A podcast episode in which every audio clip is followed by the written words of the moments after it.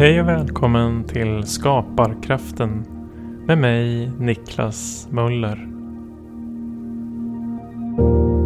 Idag så pratar jag med ensamseglaren Emma Ringqvist som 2017 seglade ensam fram och tillbaka över Atlanten. En bedrift som året därpå belönade henne med titeln Årets äventyrare. Vi pratar om Emmas drivkrafter, om hennes längtan efter att befinna sig ensam på havet och att kasta loss utan att vara rädd.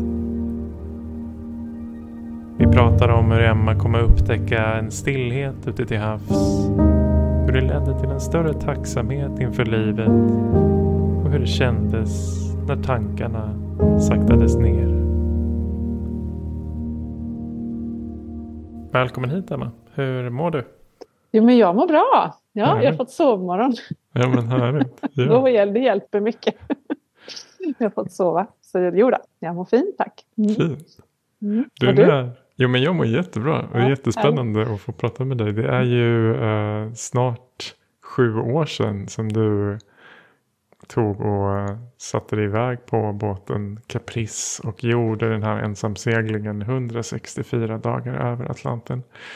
Och eh, jag tänkte vi ska prata om din resa, både som en yttre resa och det här fantastiska äventyret som du begav dig ut på, men också vad det gjorde med dig som person och den inre resan som det kanske innebar. Eh, vi börjar, om du tar oss tillbaka till Emma. Jag tänker inför den här resan? Det måste ju varit någonting som gjorde att du bestämde dig för att göra det här.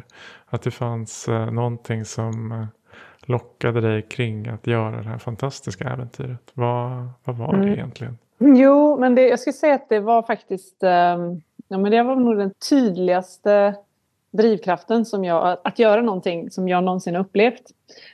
Um, och det kom i en period jag höll på att skulle flytta tillbaka till Sverige efter att ha bott i London i 18 år. Ehm, så det handlar nog mycket också om det, att jag liksom skulle bryta upp från ett liv och, och liksom tillbaka till mina rötter och kanske bilda familj och sådär. Men så tittade jag på en film om eh, de som seglade, gjorde runt, eh, de första som gjorde det, tror jag 1969. Ehm, ja, de första som seglade. Så jag tittade på den filmen och så bara gick det upp för mig att just det, men det där vill ju jag göra. för jag eh, älskar ju att vara ensam och har alltid tyckt väldigt mycket om det. Um, nästan, nästan så mycket så att jag nästan, jag är väldigt social också men jag blir nästan lite orolig ibland att jag liksom verkligen alltid mest vill vara själv. Och, ja, jag ville liksom på något sätt, jag tror resan handlade väldigt mycket om att den spännande Eh, situationen att vara så utsatt och ensam som man är på ett hav. Då kan man ju liksom inte välja att oj nu är jag trött på det så nu seglar jag tillbaka. så det var nog mycket det. Eh, och också att jag har själv en otroligt stark kärlek till havet. Som jag alltid haft sedan barnsben och jag har seglat sedan jag var tio år. Så att jag kände liksom att jag kan ju segla. så det gäller ju bara att jag, eh, eh att jag får ihop det liksom praktiska med att köpa en båt och så. så jag hade liksom väldigt, men det blev väldigt, väldigt starkt. Jag kunde inte sova på flera nätter. Jag hade så mycket adrenalin. Jag liksom kom på att det här ska jag göra. Så det blev otroligt tydligt och väldigt starkt. Så, det, så sen så tog det ytterligare ett år innan jag kom iväg, men just från den här första punkten. Um, så var det liksom lite mer som en aha-upplevelse. varför har jag inte kommit på det här tidigare? Att jag ska segla ensam på de wow. stora haven. Ja. Hur van seglare var du här då? Hade du seglat ensam tidigare längre sträckor? Eller? Nej, det hade jag inte. Men jag hade ägt en båt sedan jag var 19 år och seglat på västkusten Um, och så hade jag seglat, jag seglade över Medelhavet. Uh, för jag seglade med Women's Boat to Gaza. Vilket är ett helt annat äventyr som vi inte ska prata om nu kanske. Men uh, det var mina första gång som jag seglade flera dygn i sträck över ett hav och så. Och då, det var året innan. Så att, uh, så då kom jag ju på att uh, ja, det kändes väldigt mer rätt när jag hade gjort det också. Det. Uh, men jag, liksom, jag kände ändå att uh, jag kan segla, det räcker liksom, det jag kan. Så, så det var faktiskt så sen den första resan som jag seglade ensam. Jag seglade två veckor först med vänner från Sverige till England. och sen när jag seglade från England till Kanarierna så var det två veckor och då hade jag aldrig seglat själv över ett dygn någonsin. men, men det gick jättebra. Okej. Okay. nu hoppar jag lite före här. Men, ja. ja, men, eh, men visst. Du, du, du ger dig ut, du har med dig vänner till England och sen första, första gången du seglar ensam med någonting, då är det England till Kanarien. Kanarien, ja precis. Mm. Wow. wow. Mm. Var det som du tänkte dig? Ja, det var det. Um, kan man ju, det, är liksom, det kanske är relaterat till hela resan, just att vara ensam ute på havet. Uh, det var ju väl som jag hade tänkt mig. Det var nog tuffare uh, än vad jag hade tänkt mig också när jag sen var en, ensam länge och så. Att jag upplevde verkligen att jag kände mig ensam också på ett sätt som inte jag kanske hade föreställt mig. Mm. Men det var också mer fantastiskt och mer givande än vad jag hade kunnat tänka mig. Um, och det är också en process som, som fortsätter liksom långt efter resan. Att just ha liksom varit så mycket ensam. Mm. Som, jag, som jag var. Men, men det var inte, det var ju liksom, det är mycket lättare än vad folk tror. men har man en bra båt och den steglar sig själv så, så har, är det inte så mycket att göra utan man är där och så är man på havet och så seglar båten så har man jättemycket tid bara att, att vara och att tänka, att läsa, att spela gitarr, att vad man nu vill. Eh, lite för mycket tid kanske, men, men det var ju just det som jag ville. Det var ju det som var hela poängen med den här resan egentligen. Du får det att verka så enkelt och lätt när jag lyssnar på det. Det är, det är säkert många som lyssnar på det här och tycker att det här kräver väldigt, väldigt mycket mod. Men, men det får det att låta som att det är väldigt, väldigt enkelt. Har du alltid varit en, en orädd person som har gillat äventyr? Ja, alltså jag har inte gjort några liknande äventyr. Men jag, alltid, jag, menar, jag flyttade till London när jag var 19 år och så blev jag kvar där. Och så har jag rest lite grann och så. Så att jag har ju alltid, jag har alltid varit en person som inte har varit så lockad av liksom, ja, ska man säga, ekorrhjulet eller svenssonlivet så. så jag har alltid sökt mig, ända sedan jag var liten faktiskt. Så jag ville alltid hitta på spännande saker och liksom, jag har väl alltid varit äventyrlig på det sättet. Um, men just den här resan är ju nog det största, absolut det största äventyr som jag har gjort. Men sen så är jag ju också faktiskt jag kanske är modig och så, men jag är också väldigt försiktig. Jag har alltid haft mycket respekt för havet. Um, så det som var mest krävande och tog mest tid och mest energi, det var ju förberedelserna. Man måste liksom känna, liksom, för den här båten är ju min livlina, eh, verkligen. Så man måste känna att man verkligen eh, ja, litar på den, att man känner till alla system ombord och att allting kommer funka. Ja, och det tog mycket tid och energi. Um, och det var också saker som inte jag riktigt visste innan. Även om jag hade ägt en båt och seglat på kusten. Så när man ska segla över ett stort hav så är det en massa andra...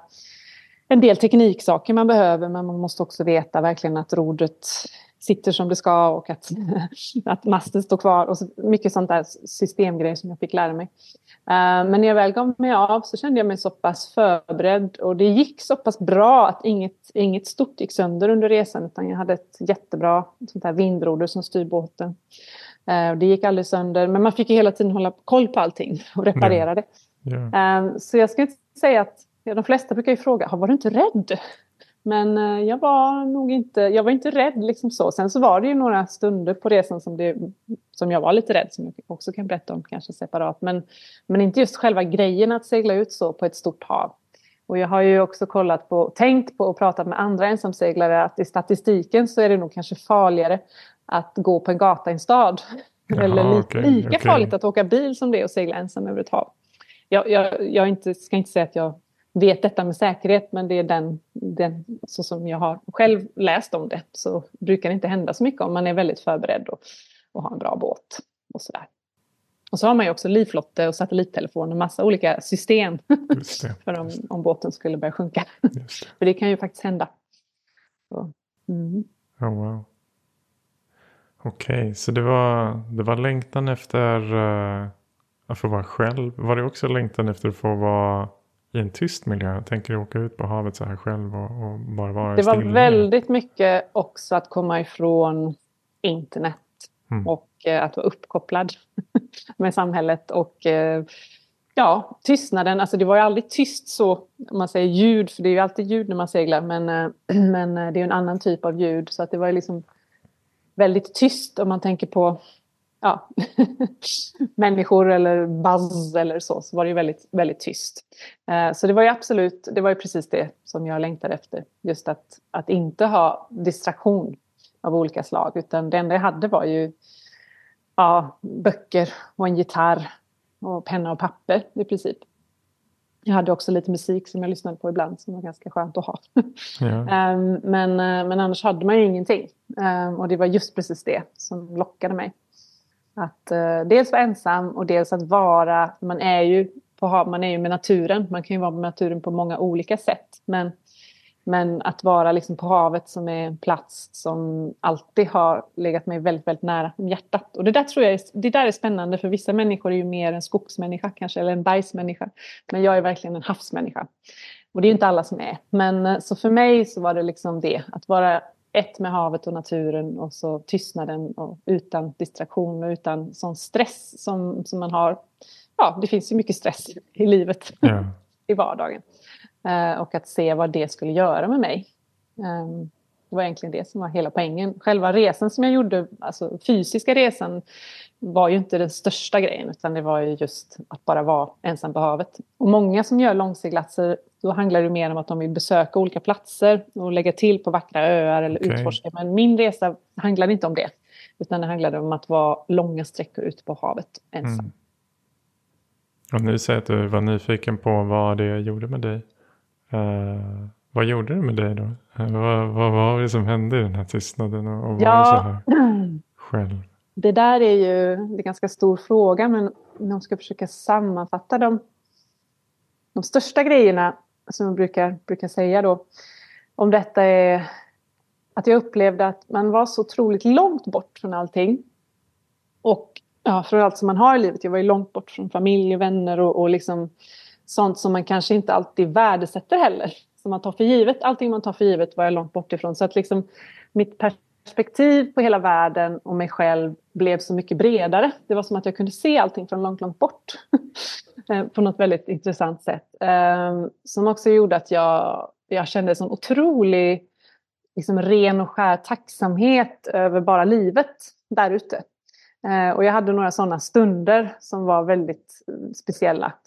Eh, där jag kände liksom så, en så stor stark lycka över att bara finnas till. Wow. Um, så det, ja, det var ju en stor grej. Och så också att ja, värdesätta allting. Uh, och det byggde upp en otrolig, tror jag också, tålmodighet mot saker. Yeah. så om någonting händer nu efter, jag har väl alltid varit ganska tålmodig, men om om någonting händer som jag skulle åka tåg till London eh, för två veckor sedan så blev tåget inställt och så fick jag och mitt lilla barn ta in på hotell och kom fram jättesent och det var jättejobbigt och stressigt men jag liksom bara, ah, ja okej, okay, ja, men det var, det var ju snö och det var ju väder så att man blir liksom inte så man tar allting lite med en nypa salt. Okay. Kanske när man har varit med om, om något så, så pass stort. Och det tycker jag var ganska skönt. Att man inte liksom blir stressad ja. på samma sätt. För jag, det var, jag hade ju ganska mycket frustrerande situationer där ute som hände ibland. Just det. Men det är väl det. Och också att jag kommer ihåg tydligt att, uh, att jag satt liksom bara i sittbrunnen och drack en kopp te. Kanske en halvtimme. Och sånt gör jag aldrig hemma. Man sitter inte bara och dricker en kopp te. Utan då kanske man plockar upp sin telefon eller försöker hinna ringa någon eller läsa någonting eller vad man nu gör. Men, men liksom den här tystnaden att bara, oj nu har jag bara suttit här en halvtimme och så är det väldigt mycket kanske tankarna sakta ner på ett sätt. Um, så man kanske inte sitter och tänker ens i en halvtimme, man bara liksom på något sätt är. Mm. Och så kommer man ändå fram till ganska mycket utan att behöva tänka. Och det har jag upplevt. Jag har ju varit ensam tidigare i andra situationer i livet. Jag har varit bland annat i ett litet hus i Spanien i, i två veckor och jag har varit med min segelbåt på öarna här på västkusten. Um, så det är väl lite, lite det som, jag, som händer också. Att just hela ens hjärna och tankarna ja, sakta ner och blir lite lugnare. Um. Och det är som att svar kommer till dig i det? Uh, ja, jo, men det tycker jag. Ja. ja. Ja, Sen så kan jag ju glömma bort de svaren nu när jag är tillbaka i, i, i, livet. Men, men absolut, ibland upplever jag det att det kommer liksom ganska tydliga, jaha, just det, uh, svar på saker som man kanske har funderat på. Uh, på, ett, på ett annat sätt. Så man tror, att man, man, man, tror liksom att man ska kunna fundera sig fram till saker. Men jag upplevde inte att det riktigt okay. var så, utan att det var mer handlade om att bara vara och låta liksom allting bli tyst och stilla. Um, och det där är ju jättesvårt att uppnå i, i vanliga livet och mm. det förstår jag ju. Men, um, men jag tänker att sättet som man kanske kan... Och nu har jag lite svårt att vara själv för jag har ju ett litet barn. Men, men att just att det är viktigt att uh, försöka hitta. Det kan räcka att man åker bort två nätter och är själv. Eller ja, att, man, att det kan göra väldigt mycket för ens, hela ens liv. Liksom, att bli mycket Det är väl lite som någon slags meditation. Jag har ju själv inte hållit på med meditation så, men jag skulle kunna tänka mig att det kanske är något liknande. Ja. Mm. Ja, men jag relaterar genom mina meditationsupplevelser som, mm. som mediterar dagligen så, så är det väldigt fascinerande att höra dig beskriva det här. Liksom. Att svaren fanns inom dig redan och du behövde bara eh, komma bort från bruset och från den här, som du säger, istället för att ta upp mobiltelefonen när du dricker te, så bara vara i det. Och så mm. kom svaren till dig. Mm. Fascinerande, ja. Väldigt fascinerande. Ja, det var speciellt. Ja. Mm. Ta oss, ta oss eh, med genom resan då. Så vi börjar i, i ehm, Göteborg. Ja, börjar i Göteborg. Och då kom jag iväg ganska sent för jag hade stressat hela sommaren för att göra klart båten. Ehm, jag hade köpt båten bara i maj så det var ju ganska ovanligt att man köper en båt och så åker man iväg bara några månader senare. Men jag lyckades så vi kom iväg i september. Och då hade jag bestämt mig för att segla med två kompisar genom Engelska kanalen till England. Dels för att det är så mycket trafik där och dels för att jag hade inte riktigt hunnit att testa båten kände jag ordentligt. Så jag tyckte det var, det var ett klokt beslut. Så då åkte jag med två vänner. Det tog två veckor från Göteborg till England. Ehm, vi stannade lite på vägen för det blåste mycket ibland. Ehm, men det gick bra. Det var lite tuff resa och det var mycket som då visade sig som behövde åtgärdas. Som luckor som öppnades i båten när det var mycket vågor och det får ut grönsaker och, och verktyg och annat. Men, men det gick bra. Och sen från England då, så jag kan ju kanske sammanfatta hela resan. Då, det. Den rent fysiska resan. Så seglade jag ensam från eh, Cornwall i England till Kanarieöarna. Det tog två veckor. Och det gick jättebra. Men jag tror att jag var lite, när jag var i Cornwall också så var jag utbränd faktiskt. Jag blev liksom liggande i tre dygn för jag hade jobbat så hårt. Um, så det tog lite tid innan jag liksom hittade tillbaka min energi. Så jag tror att när jag väl kom till Kanarieöarna så var jag inte riktigt helt mig själv. Uh, jag hade kört för hårt. Så att jag, och jag hade ju drömt om att segla jorden runt egentligen i södra oceanen. Men jag tror att då jag bestämde mig för att det kommer jag kanske inte göra den här resan för att det blir för mycket och jag är för sent ute i året. Och jag behöver bara stanna och liksom hitta tillbaka till mig själv. För att jag var ute på min livs största resa och eh, mådde inte jättebra just då. Så jag blev kvar i sex veckor på Kanarieöarna eh, och hade två stycken tyska systrar som flyttade in på min båt och det var väldigt eh, fint att ha den tiden tillsammans. De skulle vidare, de försökte leta en båt att åka över Atlanten och skulle hela jorden runt på fot.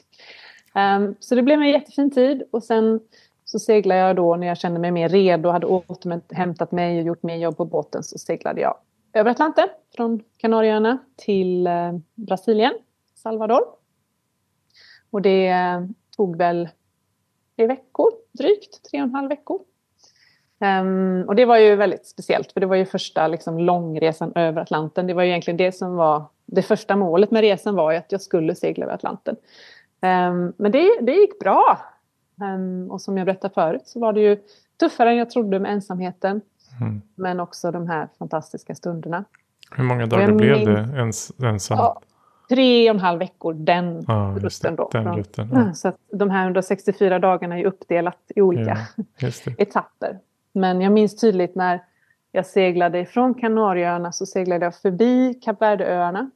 Och då visste jag att de var där, jag kunde inte se dem. Men det är liksom den här känslan av att jag kom längre och längre ut på det stora havet blev liksom en ganska svindlande känsla först ska inte säga att jag kanske var rädd, men det var liksom oj vad långt bort allting är och det är så djupt ner där och långt bort till land och det finns ingen. Så det var liksom en väldigt speciell känsla som det var några dagar innan jag liksom vande mig vid det. Att ha den här, att man är så liten liksom, på en mm. så stort områ område.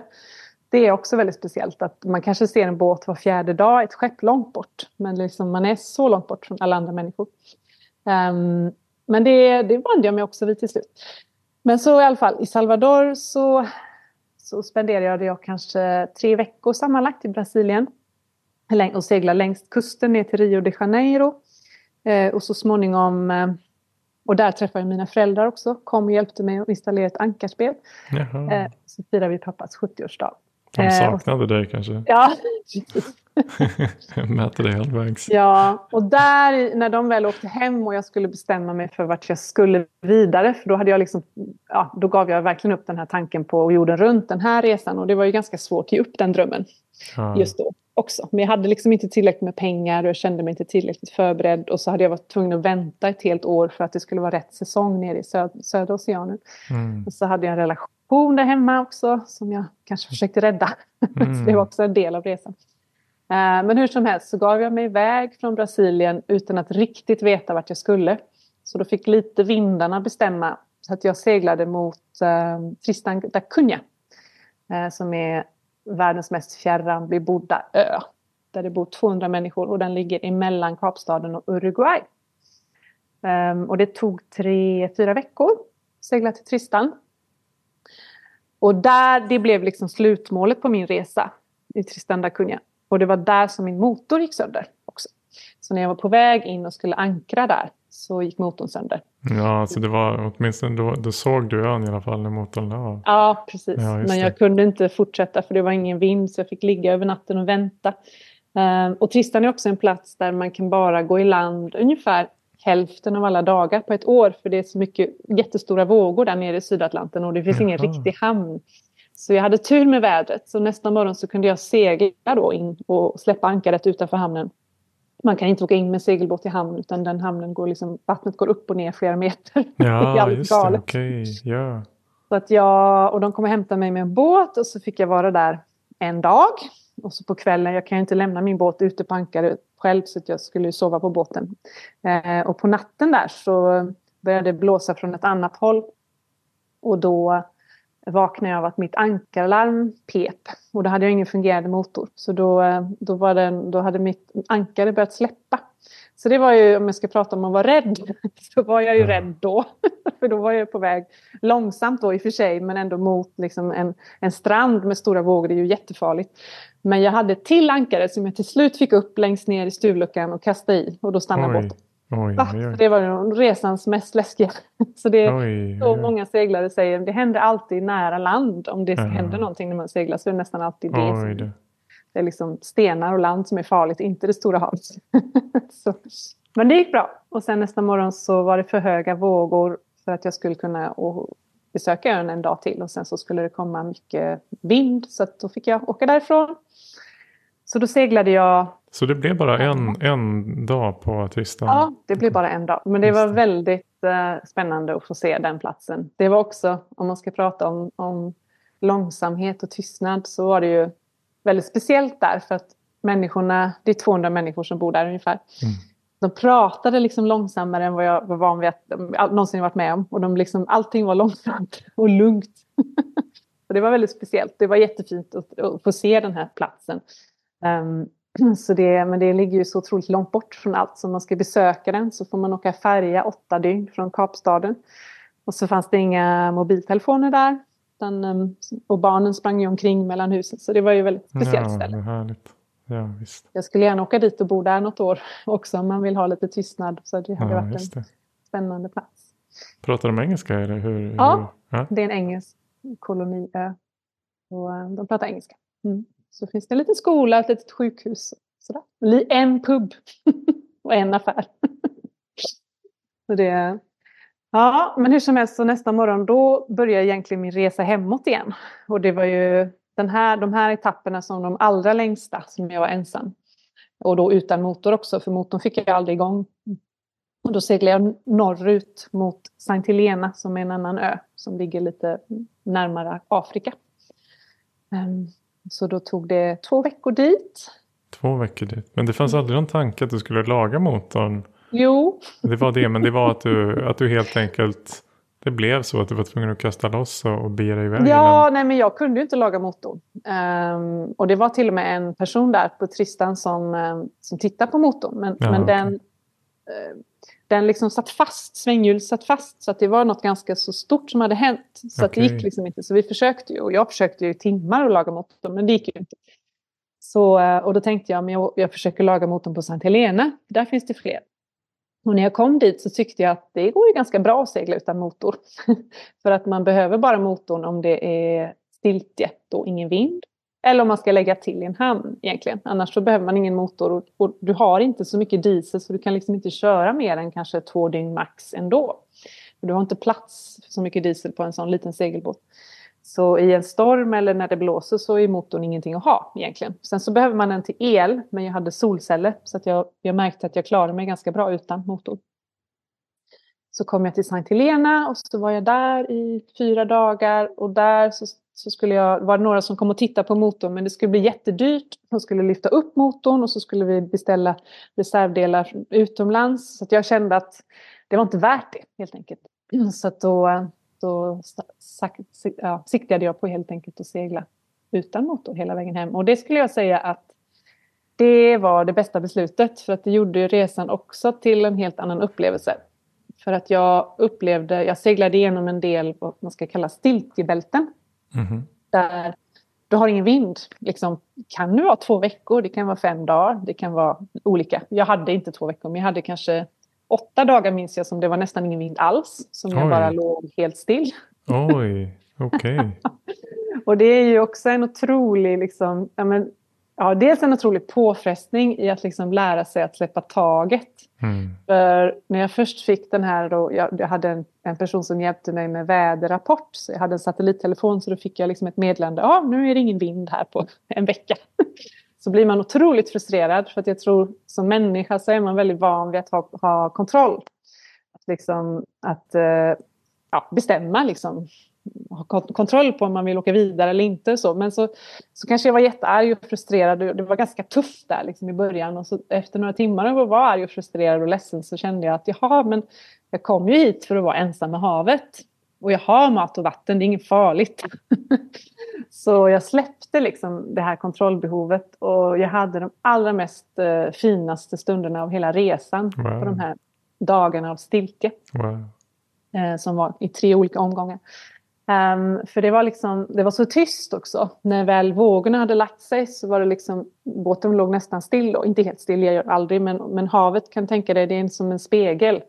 Um, och när du har solnedgång så, liksom, så speglas allting. Det är en helt annan upplevelse än när båten seglar och det är vind och vågor. Det är liksom ett helt annat land. ett helt annat. Um, så det var ju också, också att man liksom hamnade i det här lugnet av att mm. okej, okay, nu är det naturen som bestämmer när vinden kommer, det är inte jag. Så nu ligger jag här och väntar. Uh, så jag hade otroligt vackra stunder i den här stiltjen. När jag väl, när jag väl hade hamnat på den platsen i, i sinnet så att säga. Så, så, och jag minns också en gång så var det valar som, eh, som låg eh, ganska långt bort men jag såg dem, jag hörde deras andetag i flera timmar och så såg jag de här fontänerna på valarna. Det var väldigt speciellt. Wow. Och hade jag haft en motor så hade jag ju satt på den så hade jag brutit den här tystnaden och liksom åkt därifrån. För det är det man gör.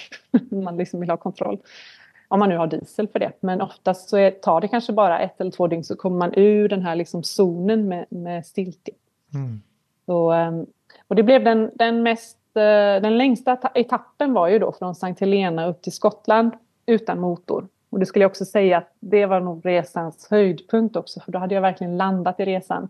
Mm. Och, och hade de här liksom perioderna av stiltje och, och ingen vind och så. Så det var väl också den längsta, 67 dygn, precis. Wow. Som var ensam. Mm. Men de här eh, dagarna i stillhet då, det är en slags överlåtelse, kan man säga det? Att man bara behöver ja. Ja, överlåta precis. sig? Ja. ja, överlåta sig att det, ja, åt naturen, ja. upplevde jag det som. Um, och det som sagt, det var ingen fara, det är inte farligt. Båten står ju still och så länge man har mat och vatten så är det inget farligt. Så det är bara liksom att man har tid, att man inte har bråttom någonstans. Och att överlåta just den här ja, behovet av att ha kontroll. Tror du det också har, um, ska prata om tankeaktivitet och vi, vi pratade förut om, om att um, man, man kan vara så upptagen när man är på land så att säga i, i mm. vardagen. Att man hela tiden har saker och ting som man behöver lösa och att man behöver ta ansvar för mycket och, och så vidare. Men, men där ute på havet, det är den här överlåtelsen som sker och acceptansen i det gör också mm. att man, man har inte så mycket tankar som studsar, studsar runt kring hur man ska lösa saker och ting utan det är bara att vänta på vinden. Ja, verkligen. Jo, men så är det. Och också det här att ja men verkligen. Man har, man har i och för sig, ibland har man ju liksom saker som ska lagas på båten och saker att tänka på så. Ja, men, ja. men det är en helt annan... Och också det här att man är ensam. Jag märkte att, att jag liksom... Det är ingen som ser vad jag gör. Så att jag kan liksom låg och läste en bok en hel dag. Det skulle jag aldrig göra hemma för att man liksom... Det, man, kan liksom, man har inte något ansvar gentemot någon annan egentligen. Och det är också en ganska stor grej som jag minns när jag närmade mig land. Att det var väldigt skrämmande. Att bara, Oj, nu ska jag helt plötsligt bli ansvarsfull mot andra igen. Och vara en bra medmänniska. För när man är helt själv så, så är det ju inte så. Du har mm. ingen... Du, du har ju bara dig själv egentligen. Mm. Och naturen och båten. Mm. Och sen är vi på sista etappen. På vägen ja. hem till Göteborg. Va? Ja, precis. Så det var 67 dygn till Skottland och jag hade egentligen tänkt att jag skulle segla hela vägen till Sverige från Sankt Helena utan att stanna någonstans. För dels för att jag tyckte om att göra långa etapper och dels för att det är krångligt att stanna när inte motorn fungerar. Men så var det så att jag hade så väldigt lite vind i Nordatlanten. När jag hade väl kommit förbi de här ekvatorn och stiltjebältet så kom jag upp i Nordatlanten och där ska det blåsa ganska mycket västligt som det gör här hemma. Men då låg det ett stort högtryck över hela Skandinavien i typ en månad så jag hade jättesvaga vindar. Så mm. därför så, så började min, min mat ta slut. Och jag fångade heller inte så mycket fisk som jag hade hoppats på. Så jag åt verkligen ranson. Liksom. Jag åt tre mål mat men de var ganska små. små. så att jag var tvungen att stanna i Skottland av den anledningen. Och, och då hade jag gått ner 10 kilo. Oj, oj, oj. oj. Så, det, ja, så det var ju därför jag stannade mm. där. Um, men del, en del av de 10 kilona är säkert muskler och också att man har liksom inte tillgång till liksom choklad och godis och annat utan man har liksom sina tre mål mat. Och så. Men jag åt ju ganska torftigt. Det vad är det för mat man äter? Ja, det är mycket ris och pasta, konserverat, tomat. Mycket, jag hade mycket torkade grönsaker, det var väldigt bra. Um, så kan man ju ha konserv. Ja, jag åt ju mest ja, med linser och bönor och så. Jag äter inte så mycket kött. Um, fisk fångade jag ibland då. Um, men också, ja, precis. Det, man kan ju äta det mesta. Det, enda, ja, det är mycket, mycket grönsaker som man, det kan man ju ha i konserv eller torkat då. Torkade grönsaker var det bästa. Skulle jag säga. Mm. Och så gröt, pannkakor. Liksom. Sånt. Um, men hur som helst så i Skottland så, så hade jag ju drömt om flera dagar innan vad jag skulle köpa för någonting. Ja, vad var det då? Jag drack liksom grädde, grädde. första dagen. Okay. och fish and chips hade jag fantiserat om hur länge som helst. Och jag köpte så mycket fet mat. Ja, gud. Um, men då precis i Skottland så från Skottland till Göteborg var det den allra sista etappen. Och den tog tio dagar tror jag. Eller två veckor. Mycket längre än vad den skulle ta för det var jättesvaga vindar. Men det gick bra. Då hade jag ju mat. så det var ingen fara. Ja. Och det jag tänker på, alltså det är ju en sak att ge sig, ge sig iväg på en sån här resa. Det är en, en stor, stor utmaning. Och ta, även om det för dig gick förhållandevis enkelt att ta beslutet. Men sen att, att komma tillbaka är en helt annan resa också. Hur, hur kändes mm. det liksom att, att kliva tillbaka efter de här 164 dagarna ute till till havet? Eh. Det var väldigt dubbelt. Jag minns när, när, jag skulle kom, när jag kom till Skottland då, för det var ju egentligen det första när jag träffade människor efter de här riktigt långa etapperna. Mm. Så var jag ju jätteexalterad. Bara, Åh, jag ska prata med människor. För det kan jag också berätta om att man hade sådana konstiga fantasier där ute. För jag kände mig ensam också mycket faktiskt. Och jag fantiserade om, tänk att sitta och äta havregryt med, med någon, havregrynsgröt med någon på morgonen. liksom sån här, eller, eller träffa någon på en kaffe. Det var liksom helt wow! så man längtade jättemycket efter människor. Det är ju så, vi är ju liksom sociala djur. Um, så det var ju väldigt så dubbelt att jag dels längtade efter bara att få prata med någon och sitta mm. bland folk. Men också det här att min lilla värld som var bara jag, den här bubblan liksom, uh, av bara jag och båten och att inte behöva liksom stressa eller vara ansvarsfull mot någon annan eller gå till något arbete eller svara på några mejl eller några telefonsamtal. Ingenting.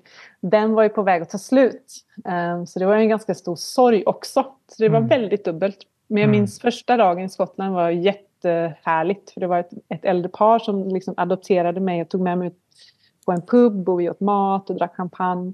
Okay. Och sen nästa dag så gick jag omkring själv i staden och då fick jag lite panikkänslor faktiskt. Det var, liksom, det var bilar och människor och hus. Jag hade, det var jättesvårt att liksom ta in det. en, en period där, några timmar. Så då gick jag bara tillbaka till båten och satte mig där.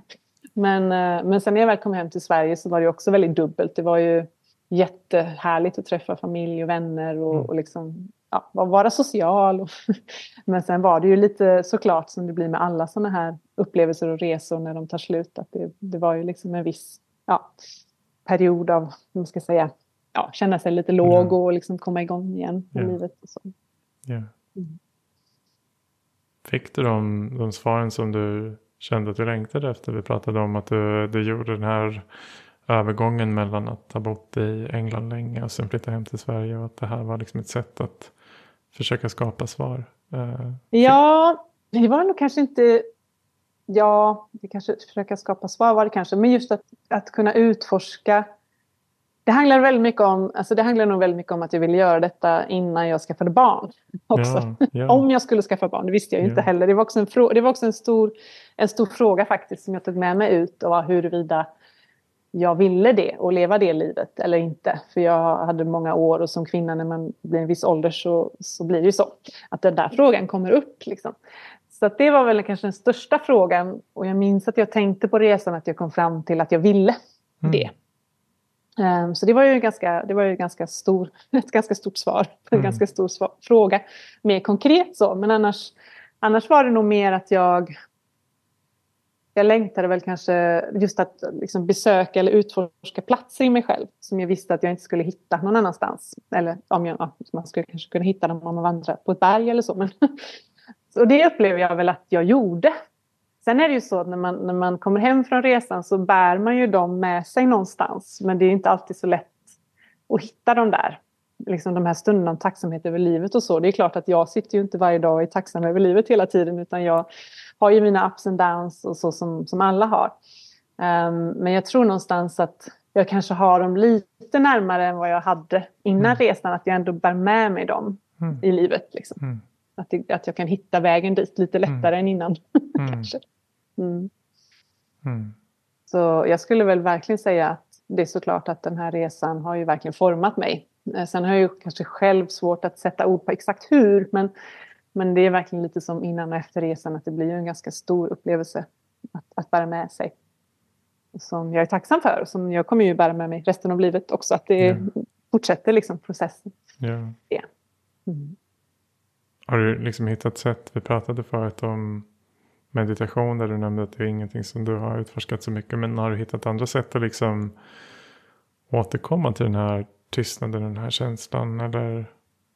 Ja, alltså Ja och nej. Jag tror att, att riktigt komma till samma... Jag tror att skulle jag, jag... Jag tänker ju också nu när barnet blir lite större och så att jag ska ju verkligen försöka komma iväg och segla själv. Och det kan ju räcka att man seglar en vecka eller två veckor. Det behöver inte vara i nio månader. Um, så att jag vet liksom att gör jag det så tror jag att, att jag kan hitta tillbaka till dem. Att det är liksom, det är liksom min meditation, meditation, min typ av meditation. Yeah, yeah. Men sen kan det också bara vara i vardagslivet så att hitta stunder ja, men sånt som det är för de flesta. Att gå ut i skogen eller att springa eller att vara i naturen och försöka hitta de stunderna för sig själv. Mm. Och för mig handlar det mycket om att jag behöver vara ensam. Det kanske inte är samma för alla men jag behöver liksom, jag är i en relation just nu såklart med, jag har ju barn och en partner. Men just att jag behöver att se till att jag har stunder helt för mig själv. Och mm. har jag stunder helt för mig själv så kan jag på något sätt tanka och ladda. Mm. Även om inte jag sitter och mediterar så kanske jag bara sitter och är eller spelar min gitarr eller skriver och så. Jag har också tänkt på att börja med meditation men jag har inte riktigt, jag tycker om yoga så det kan jag ja. göra ibland. Ja, ja. Jag tycker också om att bara, bara gå ut på en promenad kan vara för mig meditation utan att ta med telefonen och bara liksom titta på träden. så. Mm. Finns det andra som har blivit inspirerade av din resa? Um, har, du, har du inspirerat andra att, att göra den här? Uh... Ja, jo, men det har jag förstått att jag har gjort och det har varit roligt. Det har jag tänkt, tänkte man ju inte på innan, men eh, det gör man ju verkligen. Jag har ju hållit föredrag um, och gör ju fortfarande det ibland och alla som har jag har alltid fått jättemycket positiv respons från det. Eh, folk som kommer efteråt. Åh, det är så inspirerande. Du har inspirerat mig i livet. Och det är fantastiskt att få höra det såklart. Um, och även den här filmen som gjordes om mig då. Jag har ju fått jättemycket kommentarer från, den har visats på Youtube, många, 200-300 tusen eller någonting. Så jag har fått kommentarer från människor över hela, på hela jorden som har skrivit väldigt fina saker. Om att, åh, ja, hur inspirerad och hur mycket det liksom rörde dem i hjärtat och med liksom relation till saker de har upplevt yeah. och så. Så det är ju fantastiskt roligt. Yeah. Och det var inget jag hade tänkt på innan, men, men det är ju så att även om kanske en person inte vill segla ensam så kanske en person kan ändå bli inspirerad till att gå utanför liksom, sin bekvämlighet eller till att liksom, våga ta steget mot en dröm eller göra någonting som, som känns läskigt eller som man vill göra. Och, ja, förverkliga drömmar kanske egentligen ja. det handlar. Mm. Kan, kan, det vara det som människor, eh, som, att det är det som det slår an i människor? Att en längtan efter att gå utanför sin bekvämlighetszon och, och liksom ge sig iväg på, på ett äventyr, vilket äventyr det än må vara. Det tror jag verkligen. Ja. För jag tror att, eh, jag kan inte säga hur det är för alla människor, men jag tror ju att de allra flesta människor har drömmar och har liksom tankar om vad de vill göra och att de flesta människor som inkluderat mig själv gör inte allt som man drömmer och vill, för det kan man inte heller. men, men just att det kanske kan inspirera till att ta ett steg till mot vad det kan vara. Liksom. Byta karriär eller göra en resa eller våga göra något nytt. Stå på en scen. Det kan vara vad mm. som helst. Mm. Det kan vara att vara mer kreativ. Ja. Det tror jag absolut att det slår an. Mm. Värdefullt. Uh, ja. Värdefullt. Och hur ser ditt liv ut idag? Du har nämnt ja. din tvååring här. Jag... Ja, precis. Jag är väldigt mycket mamma.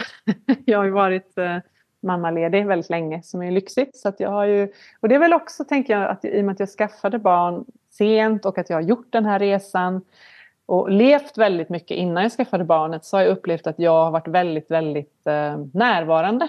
Liksom. Jag har njutit otroligt mycket av att, av att vara mamma och fått barn och liksom inte stressat och det känns fantastiskt lyxigt. och det kanske har att göra med resan också så jag har liksom bara varit väldigt mycket i nuet med mitt barn och verkligen tänkt att oj vad fantastiskt, jag är så tacksam att jag bor i ett land där jag kan vara ledig med mitt barn och ge det liksom, kärlek och bekräftelse istället för att, att stressa över, ja, så som det ser ut i världen idag så är det så mycket hem, hemskt runt omkring. Så att jag har väl också, det är väl just det att jag är ganska bra på att, att vara tacksam i allmänhet för det man har. Så, men just nu så, ja, precis, så ska jag börja jobba här nu snart igen. Ja.